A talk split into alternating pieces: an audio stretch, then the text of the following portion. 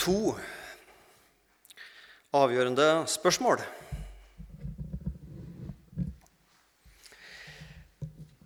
Teksten er fra Lukas kapittel 16, og vi skal komme til den etter hvert. Men det blir ingen tradisjonell tekstgjennomgåelse. Men ut fra denne bibelteksten så kan vi lære mange ting. I dag så skal jeg stoppe for noe som har kalt to avgjørende spørsmål. Ikke bare to viktige spørsmål, og faktisk heller ikke bare to avgjørende spørsmål, men de er så avgjørende, eller det som er så avgjørende med disse spørsmåla, det er at vi vet svaret på dem. Og ikke bare vet svaret på dem, men vet svaret på dem før vi dør. Vi skal alltids få vite svaret på disse to spørsmåla, men det er helt avgjørende at vi vet svaret på disse spørsmåla før vi dør. Og Før jeg avslører spørsmåla, så ber vi sammen. Kjære Herre Jesus Kristus. Det å møte deg, det å kjenne deg, det å vite om hvordan vi kommer til deg og himmelen, og hva som er inngangsbilletten og disse tinga, det er avgjørende for våre liv. Herre Jesus, nå er vi samla noen her en formiddagsstund for å høre ditt ord og for å lære fra ditt ord, og for å få med oss noe å tenke på og gruble på. Men ikke bare det, men også noe som vi kan tro på og leve på og dø på. Velsigne oss videre i dette møtet. Amen. Det første spørsmålet Hvis du dør i natt, tror du at du kommer til himmelen? Hvis du dør i natt, tror du at du kommer til himmelen? Ja, det er litt avgjørende å vite svaret på det før vi dør. Vi vil jo oppdage etter vi dør om vi kommer dit eller ikke, men det er jo grunn greit å ha avklart det på forhånd. da. Det andre spørsmålet. Ved perleporten møter du Jesus, og Jesus spør deg, 'Hvorfor skal jeg slippe deg inn her?' Hva vil du svare da? Hva vil du svare Jesus når du møter han med perleporten og han lurer på hvorfor i all verden skal jeg slippe deg inn i himmelen? Hva har du da tenkt å svare Jesus? Det kan være greit å ha klart før vi dør. To avgjørende spørsmål. Jeg har alltid likt spørsmål. Altså Bare det å stille spørsmål syns jeg er en fin ting. Fordi spørsmål får oss til å tenke og gruble litt. Og spørsmål hjelper oss egentlig også å bli ærlige i våre liv. Vi har sikkert fått det spørsmålet, vi har sikkert stilt det spørsmålet eh, når vi treffer folk. Hvordan, hvordan går det? Hvordan har du det? Og så har vi kanskje fått det svaret, eller sjøl i det svaret jo, 'takk, bare bra', eller 'takk, det går fint'. Er det sant? Har vi det alltid bare bra? Er hverdagen bare fin? Spørsmål får oss til å tenke etter før vi gir et svar. Og Av og til så er det sånn med spørsmål at den stiller oss inn for noe valg av noe som kan være litt ubehagelig å ta et standpunkt til. Og Det tror jeg disse to avgjørende spørsmål kan være litt ubehagelig. Og Når vi møter litt ubehagelige ting, så er det noe med oss mennesker at vi har en tendens til å skyve ting ifra oss, eller iallfall foran oss, og holde litt på avstand. Konsekvensen av den globale oppvarminga ja, den skjer iallfall etter min tid. Så det kan jeg skyve litt fra meg, for det, det er jo ikke i min tid konsekvensene av den globale oppvarminga skjer. Svineinfluensaen eller salmonellautbruddene ja, de skjer iallfall ikke der jeg bor. Det er andre plasser, men ikke der jeg bor. Frykten for ensomhet, frykten for familieproblemer, de holder vi gjerne litt på avstand ved å underholde oss eller ved å ikke snakke om det. Og Døden den snakker vi iallfall ikke om, for det er jo noe som skjer på institusjoner og sykehus. og sånn. Så, vi holder litt på avstand. Slipper ikke de helt innpå oss. I større eller mindre grad så er vi mennesker sånn. Prøver å holde ting på avstand.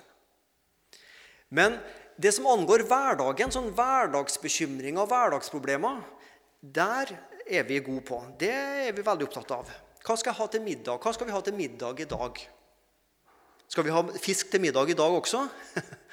Det er jo en hverdagsbekymring for enkelte. Kanskje de som er en del år yngre enn vi som sitter her i dag, kanskje bekymrer seg. Får jeg noen SMS i dag? Er det noen som skriver på Facebook-sida mi? Eller er det ingen som vil være venner med meg lenger?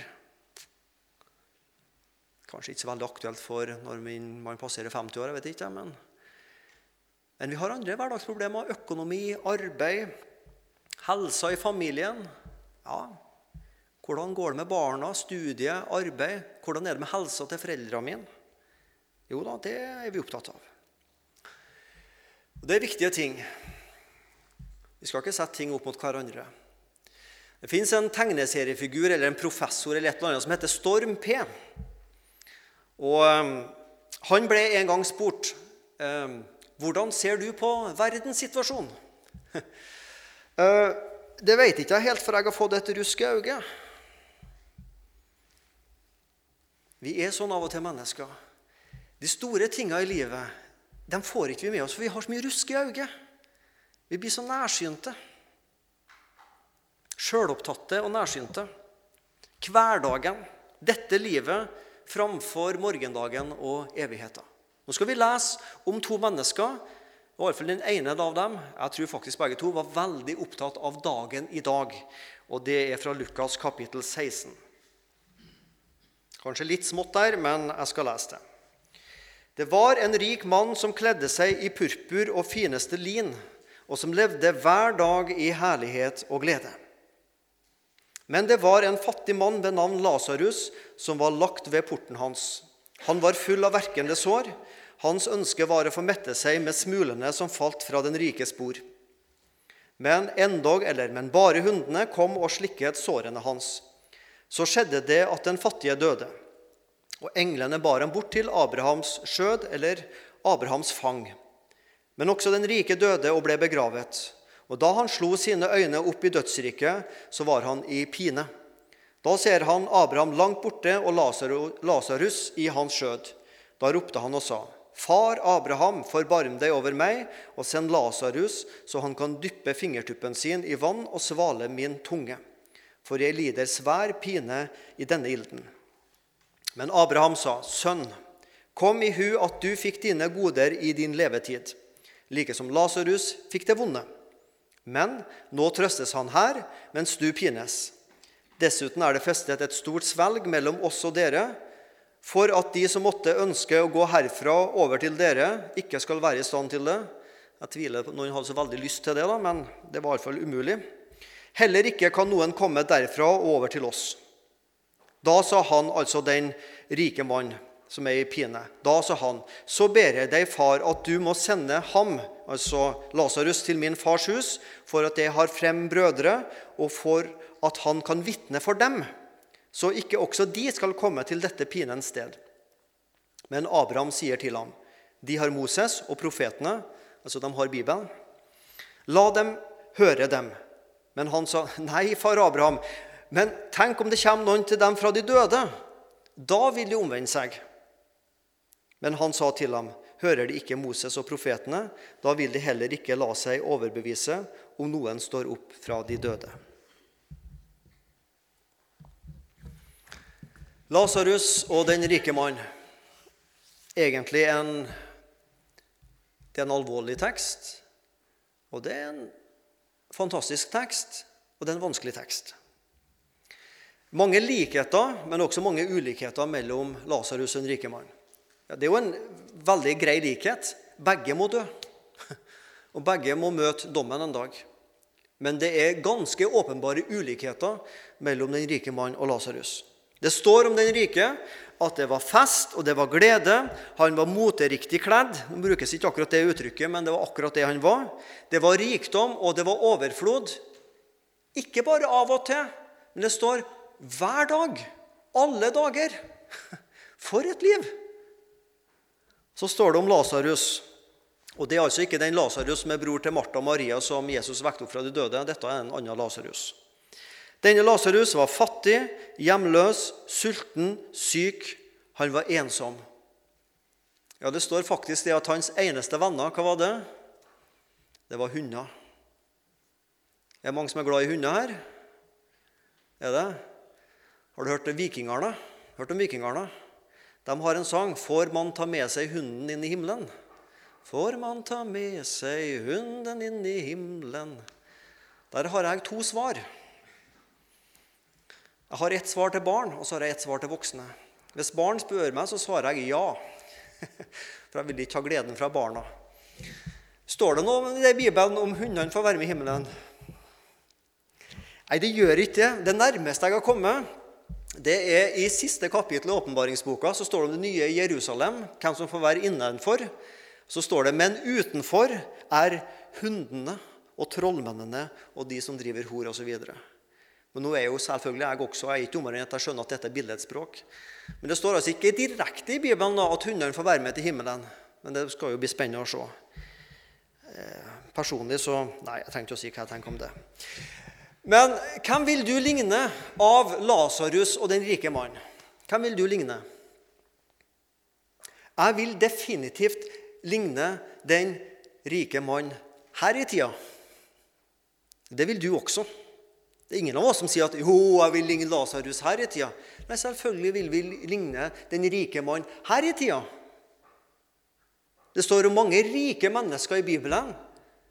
David, Abraham, var mange rike, veldige, gudfryktige mennesker i Bibelen. Det er det at synda sitter ikke i papirlappene. Synda sitter i blodsystemet. Er du med?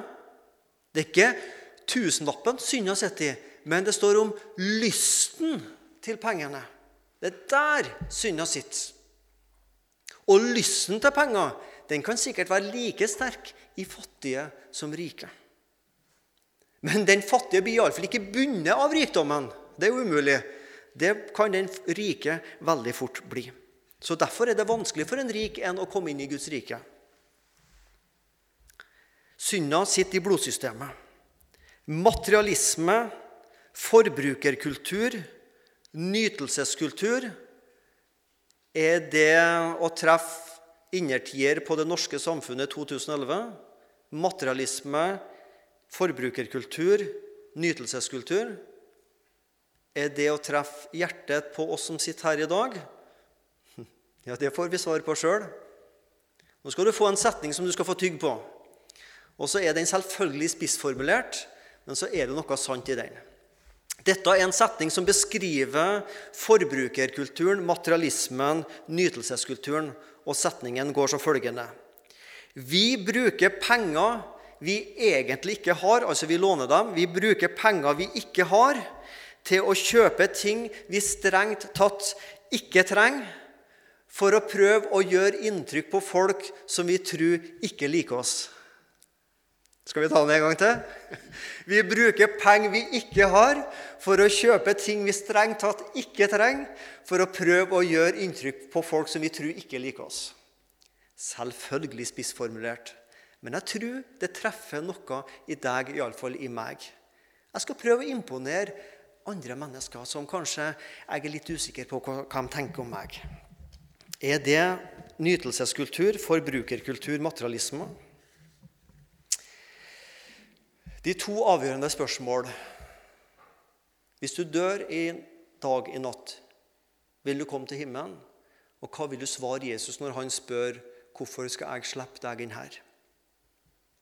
Om Lasarus og den rike mann stilte seg disse to avgjørende spørsmåla, det vet ikke jeg. De burde iallfall gjøre det.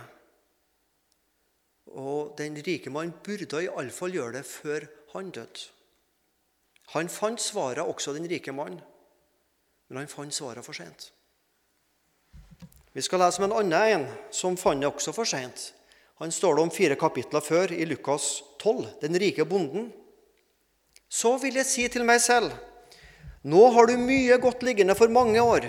Slå deg til ro, spis, drikk og vær glad. Og så kommer dette irriterende ordet 'men'. Men Gud sa til ham, uforstandige menneske, i natt kreves ditt liv tilbake. Hvem skal så ha det du har samlet deg? Slik går det med den som samler seg skatter til seg selv og ikke er rik i Gud.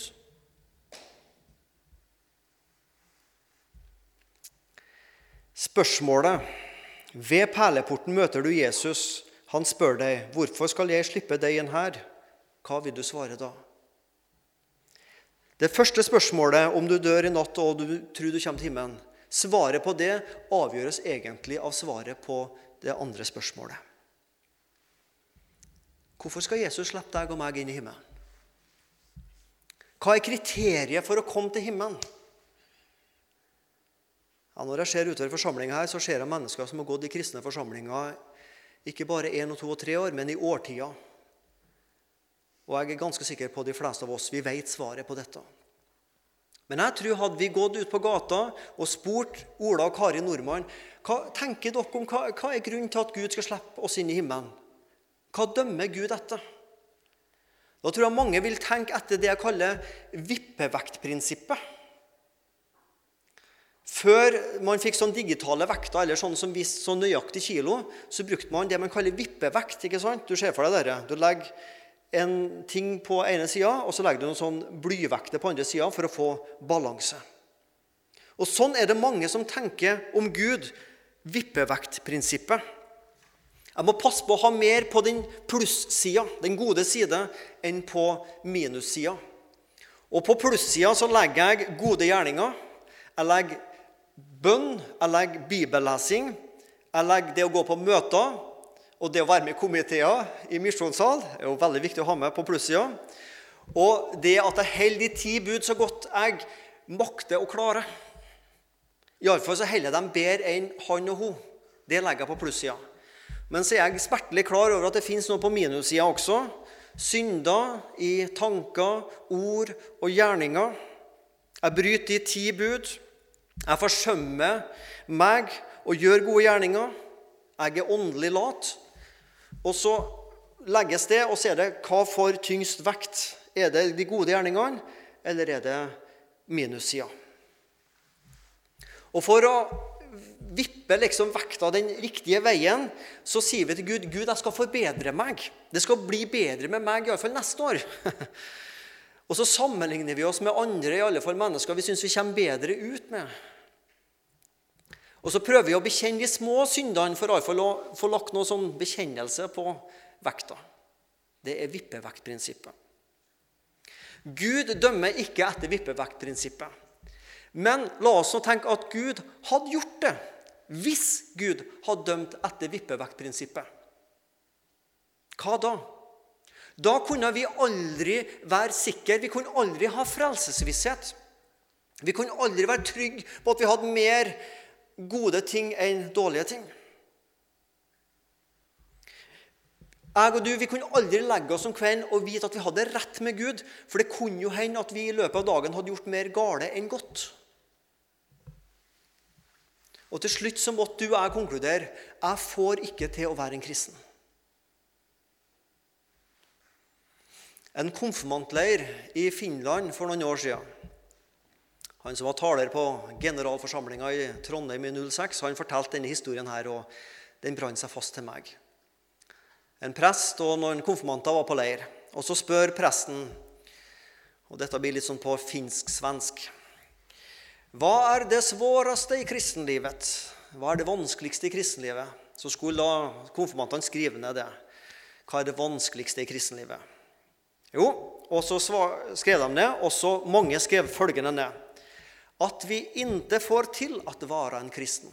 Det svåreste i kristenlivet er at vi ikke får til at være en kristen. og så sa presten noe som er innertier. Det var da konstigt. Ni sier at det svåreste i kristenlivet er at ni ikke får til å være en kristen. Men det er jo nettopp derfor jeg er en kristen.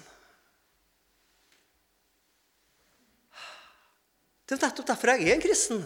For at jeg ikke får til å være en kristen. Det er derfor jeg trenger Jesus. Det er jo hele evangeliet. Hvis du og jeg skulle ha levd etter vippevekk-prinsippet, kunne vi aldri ha visst om vi var skikkelig kristne. Men det er jo nettopp derfor jeg er en kristen. Fordi jeg ikke får til å være en kristen.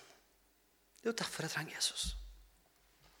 Så hvis du og jeg bygger vår tro og vår frelse på vippevekk-prinsippet, så bygger du og jeg vår egen frelse på det som Bibelen kaller for lovgjerninger. Og da er vi under forbannelsen. Og prøv å få til et rimelig bra kristenliv. Vel, vi lurer oss sjøl, men vi lurer ikke Gud. Gud forventer ikke at du og jeg skal gjøre vårt beste.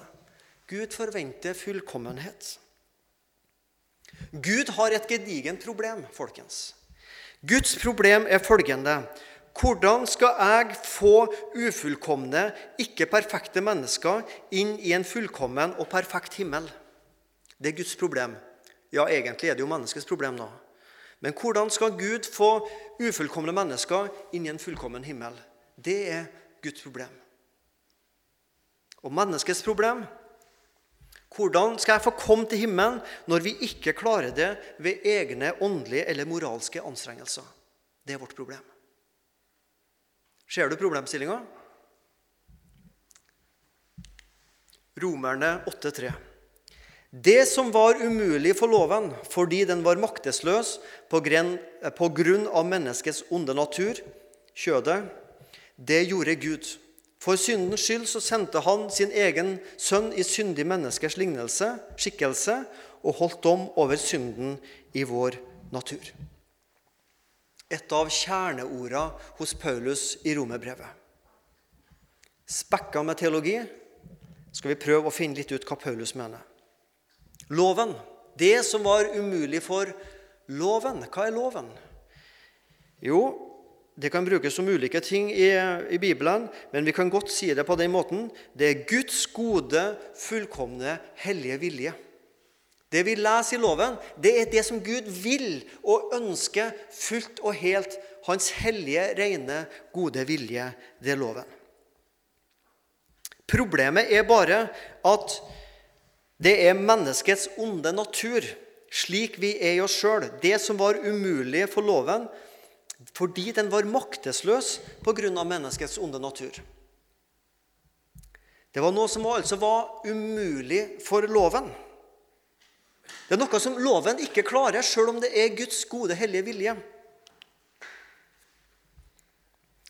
Så lurer du på hva de bildene her har med loven å gjøre. Eh, før jeg begynte i Misjonssalen, så arbeidet jeg ett og et halvt år som Securitas-vakt. Det ser dere sikkert på mine brede skuldre og svære muskler og muskuløse kropp at jeg har vært Securitas-vakt. Eh, det var jeg altså på Kverner, Aker Kverner i Egersjøen. Og der er det fra holdt på å bygge en sånn lekter som skulle sendes til en annen plass. Og Så er det ei heisekran, og så er det en eh, installasjon der på 80-100 tonn som heises om bord i, i lekteren. Og Den krana som står der, den er ikke den største krana som var på, som var på verftet. Den største krana den løfta 600 tonn. 600 tonn, Da kan du ta ca. 600 biler. Så kan du ta litt kjetting rundt det. det vil si du må ta ganske mye kjetting rundt det. Og så heiser du rett opp 600 biler. Det skal mye krefter til.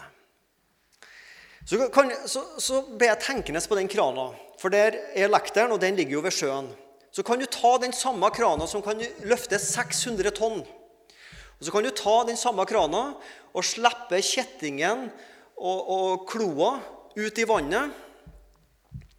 Og så drar du opp, og så kan du tenke deg hvor mye vann får den kloa med seg. Den krana som kan løfte 600 tonn, hvor mye vann får den krana med seg opp?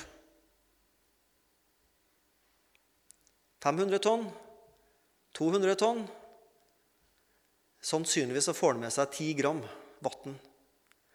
Jo, jo, men krana kan jo løfte 600 tonn. Hvorfor får den ikke med seg 600 tonn vann opp av sjøen?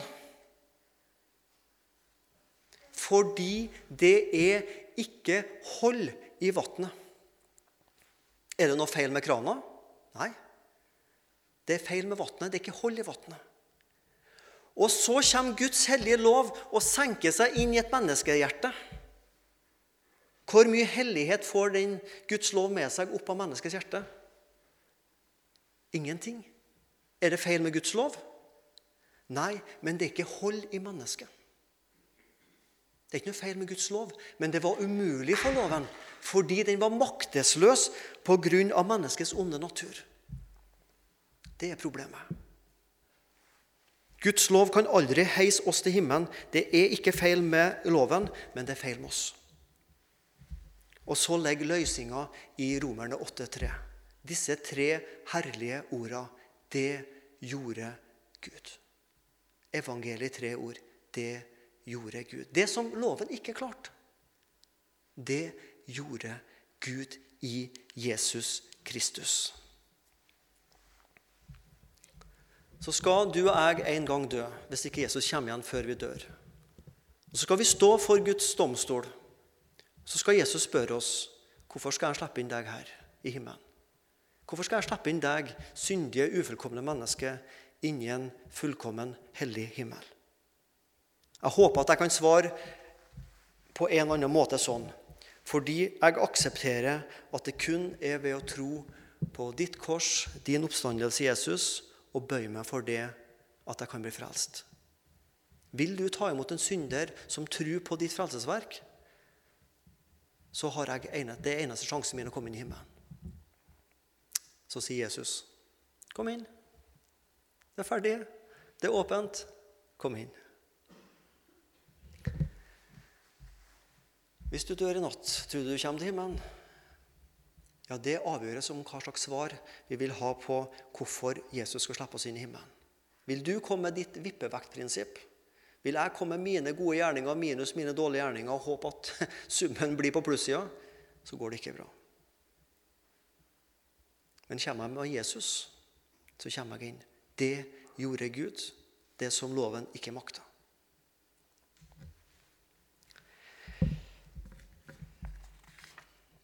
Nå skal vi hoppe litt.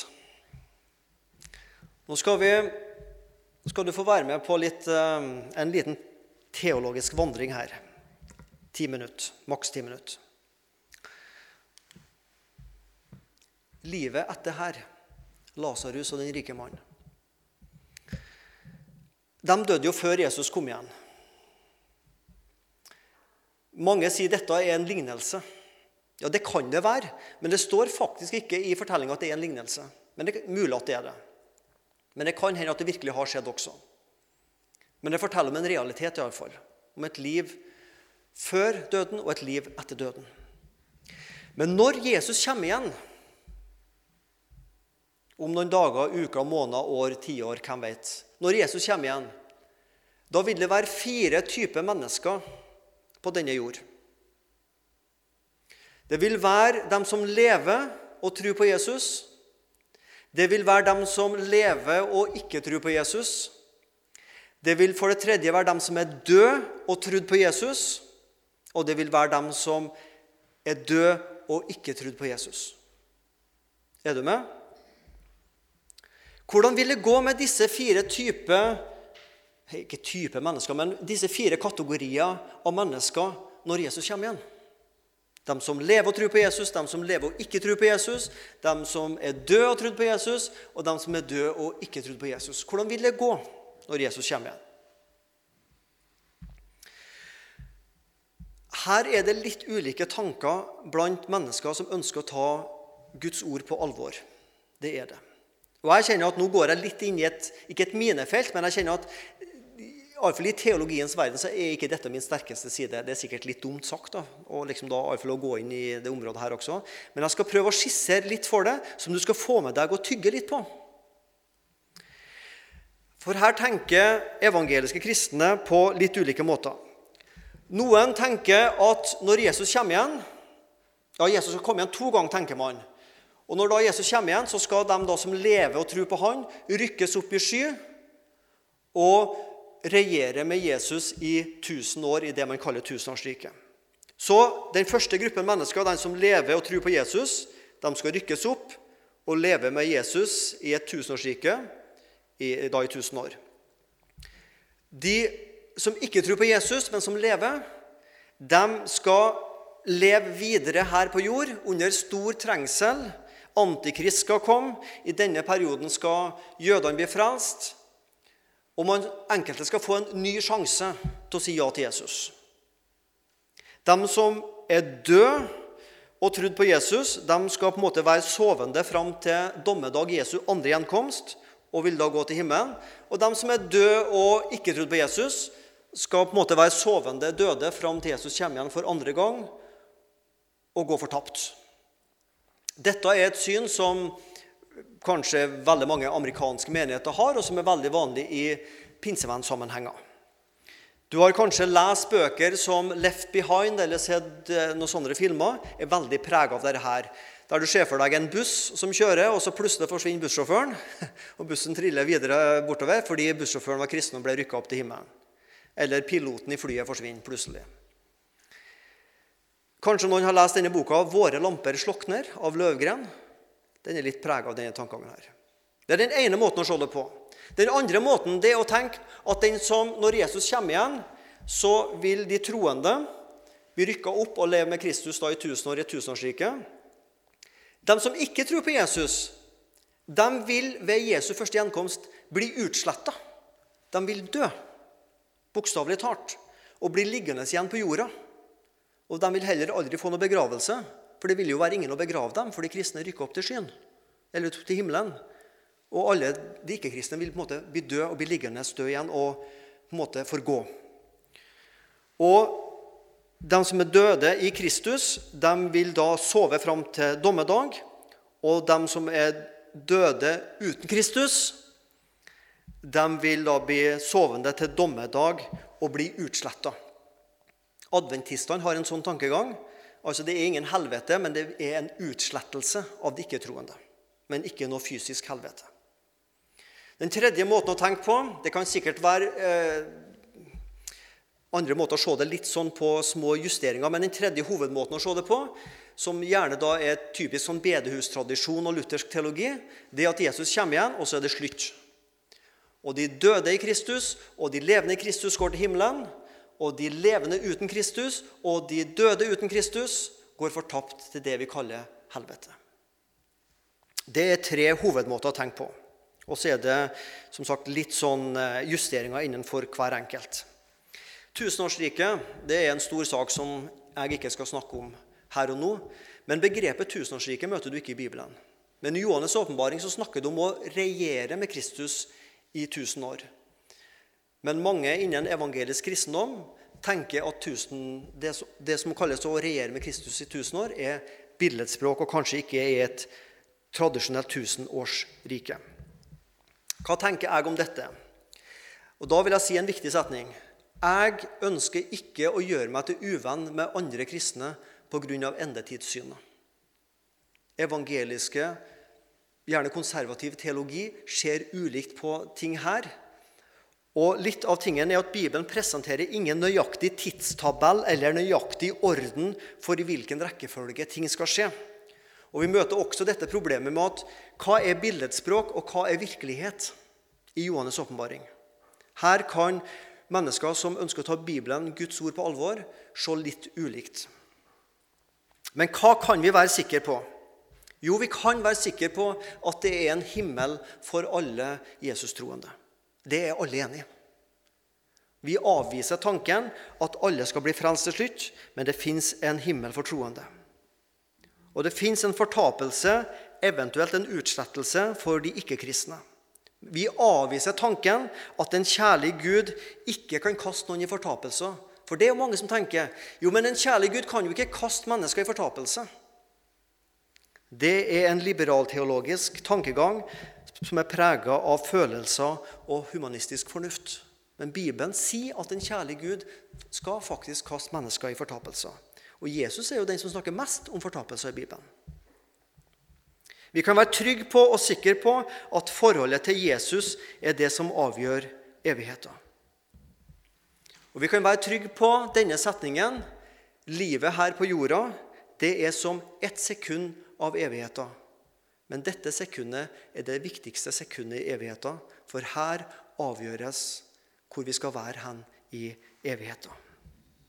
Jeg tror ikke Bibelen snakker om en ny sjanse for den som eh, sa nei til Jesus her på jorda.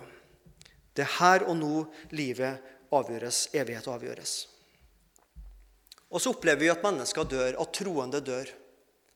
Hvordan tenker vi om det? Hvor gikk vår kjære hen som døde i troa på Kristus? Hvor ble det av det mennesket? Ja, legemet ligger i jorda, men hvor er det mennesket hen? Nå skal du få litt mer å tygge på. Det har vært så veldig greit om talen kunne gitt alle svarene. Jeg tror jeg har gitt noen svar i dag, men du skal likevel få med deg litt hjem som du kan tenke litt over sjøl. Vi sier ofte at kristne, eller troende som dør, vi går til himmelen, sier vi. Og da gjerne ut fra det ordet som Jesus sa til røveren på korset. Sannelig sier jeg deg i dag at du skal være med meg til paradis. Jo, den som dør, til, dør i trua på Kristus, går til himmelen. En annen måte å tenke på i denne sammenhengen er det som vi møter hos Lukas 16 i denne fortellingen om Lasarus og den rike mann. Når vi dør, så går vi til dødsriket. Et venterom der det er to avdelinger med Abraham og ja, altså den gode delen og den vonde delen der den rike mann var i dødsriket.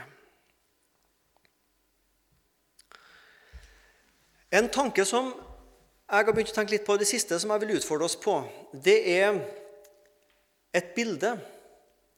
Når vi dør i Kristus, eller alle som dør, sovner. Ja, ikke sovne sånn som vi gjør når vi legger oss om kvelden, men på en måte så sover vi. Lasarus, altså bror til Martha og Maria, døde. Hva var det Jesus sa til disiplene? Jesus sa, 'Vår venn Lasarus er sovnet inn', sa han. Vår venn Lasarus er sovnet inn. Jeg går for å vekke ham. Så Torde ikke Jesus å snakke om døden? Jo, selvfølgelig gjorde Jesus det. Jesus visste at han var død. Men så bruker Jesus dette billedspråket. Han er sovna inn. Jeg skal gå vekk vekken. Og I første Tessalonikerbrev, kapittel 4, så skriver Paulus om endetida. Så sier Paulus, brødre, vi vil ikke at dere skal være uvitende om dem som er sovnet inn, altså de døde. Vi vil ikke at dere skal være uvitende om skjebnen, hva som skjer med dem som er sovna inn. Jeg tror vi skal tenke som det som kristne, at når vi dør, så går vi inn i en sovn, søvnetilstand.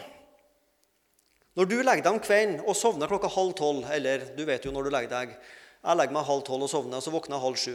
Da har jeg, sovnet, da har jeg sovet i sju timer. Det klarer jeg å telle også. Men det føles som et sekund, ikke sant? Når du sover. Du sovner, og så våkner du igjen. Du føler ikke at det har gått sju timer. Sånn kan vi tenke også om døden. Du går inn i en søvntilstand, og så på en måte sover du fram til Jesus kommer igjen, og så våkner du opp. Nå hender det av og til og dette er en parentes, nå hender det av og til at når bestefar døde, så kan vi si til et lite barn jo, bestefar har sovna inn, sier vi. Bestefar har sovna. Nå sover bestefar søtt. På en måte for å passe på at barna ikke skal få et så veldig radikalt språk at jo, bestefar er død. Der tror jeg vi skal være realistiske og ikke bruke et sånn sovespråk til barn, men fortell hva som virkelig har skjedd. Sånn, fordi at et barn skaper seg mange fantasier. Der skal vi være realistiske og si bestefar er død. For hvis vi sier bestefar har sovna, så tenker barnet ja, når skal han våkne igjen? da? Men Bibelen bruker likevel dette språket om å sovne inn. Når du og jeg dør, blir vi engler? Jeg diskuterte med en i slekta her for en stund siden. Så sier hun ja, om 100 år så er jeg en engel, hun. Det er ikke bibelsk språk. Det står ingen plass i Bibelen at vi skal bli engler. Mange tenker det at vi skal komme til perleporten, og der skal vi møte Sankt Peter. Og hvis vi har mer gode enn dårlige gjerninger, så skal han slippe oss inn. Og så får vi utdelt ei harpe, og så blir vi engler med vinger. Så skal vi sitte på en skydott i himmelen og dingle med beina og så spille harpe og så synge litt i tusen år. Ja, Sånn tenker mange om himmelen. Det virker litt kjedelig for meg. altså. Hvis jeg skal si min mening, hvis jeg skal sitte på en skydott og spille harpe i tusen år. Det, det blir litt kjedelig. altså. Men jeg håper nå helst jeg kommer dit da ennå. Nei, vi skal ikke bli engler, men vi skal bli som engler, sier Bibelen. Vi skal bli som engler, rene, hellige, himmelske. Englene gifter seg ikke, så det skal ikke være noe ekteskap i himmelen, men vi skal være en stor familie. Ser du? Dette med endetida, dette med død og med endetid, det er ting som er litt sånn å gå ut på en, uh, ei elv som er med is på, og du vet ikke helt holder dette her. Uh, og Kanskje skapte jeg flere spørsmål hos dere nå enn jeg ga svar. Men kanskje skal vi gjøre det av og til. Ta med deg hjem litt av disse tinga og tygg på det. Det vi skal være trygge på som kristne, kjenner vi Jesus, kjenner vi hans frelsesverk, så kan vi godt dø i dag og i natt, og vi vet hva vi skal svare Jesus når vi møter han med perleporten, og himmelen blir vår. Gud velsigne oss i det. Amen.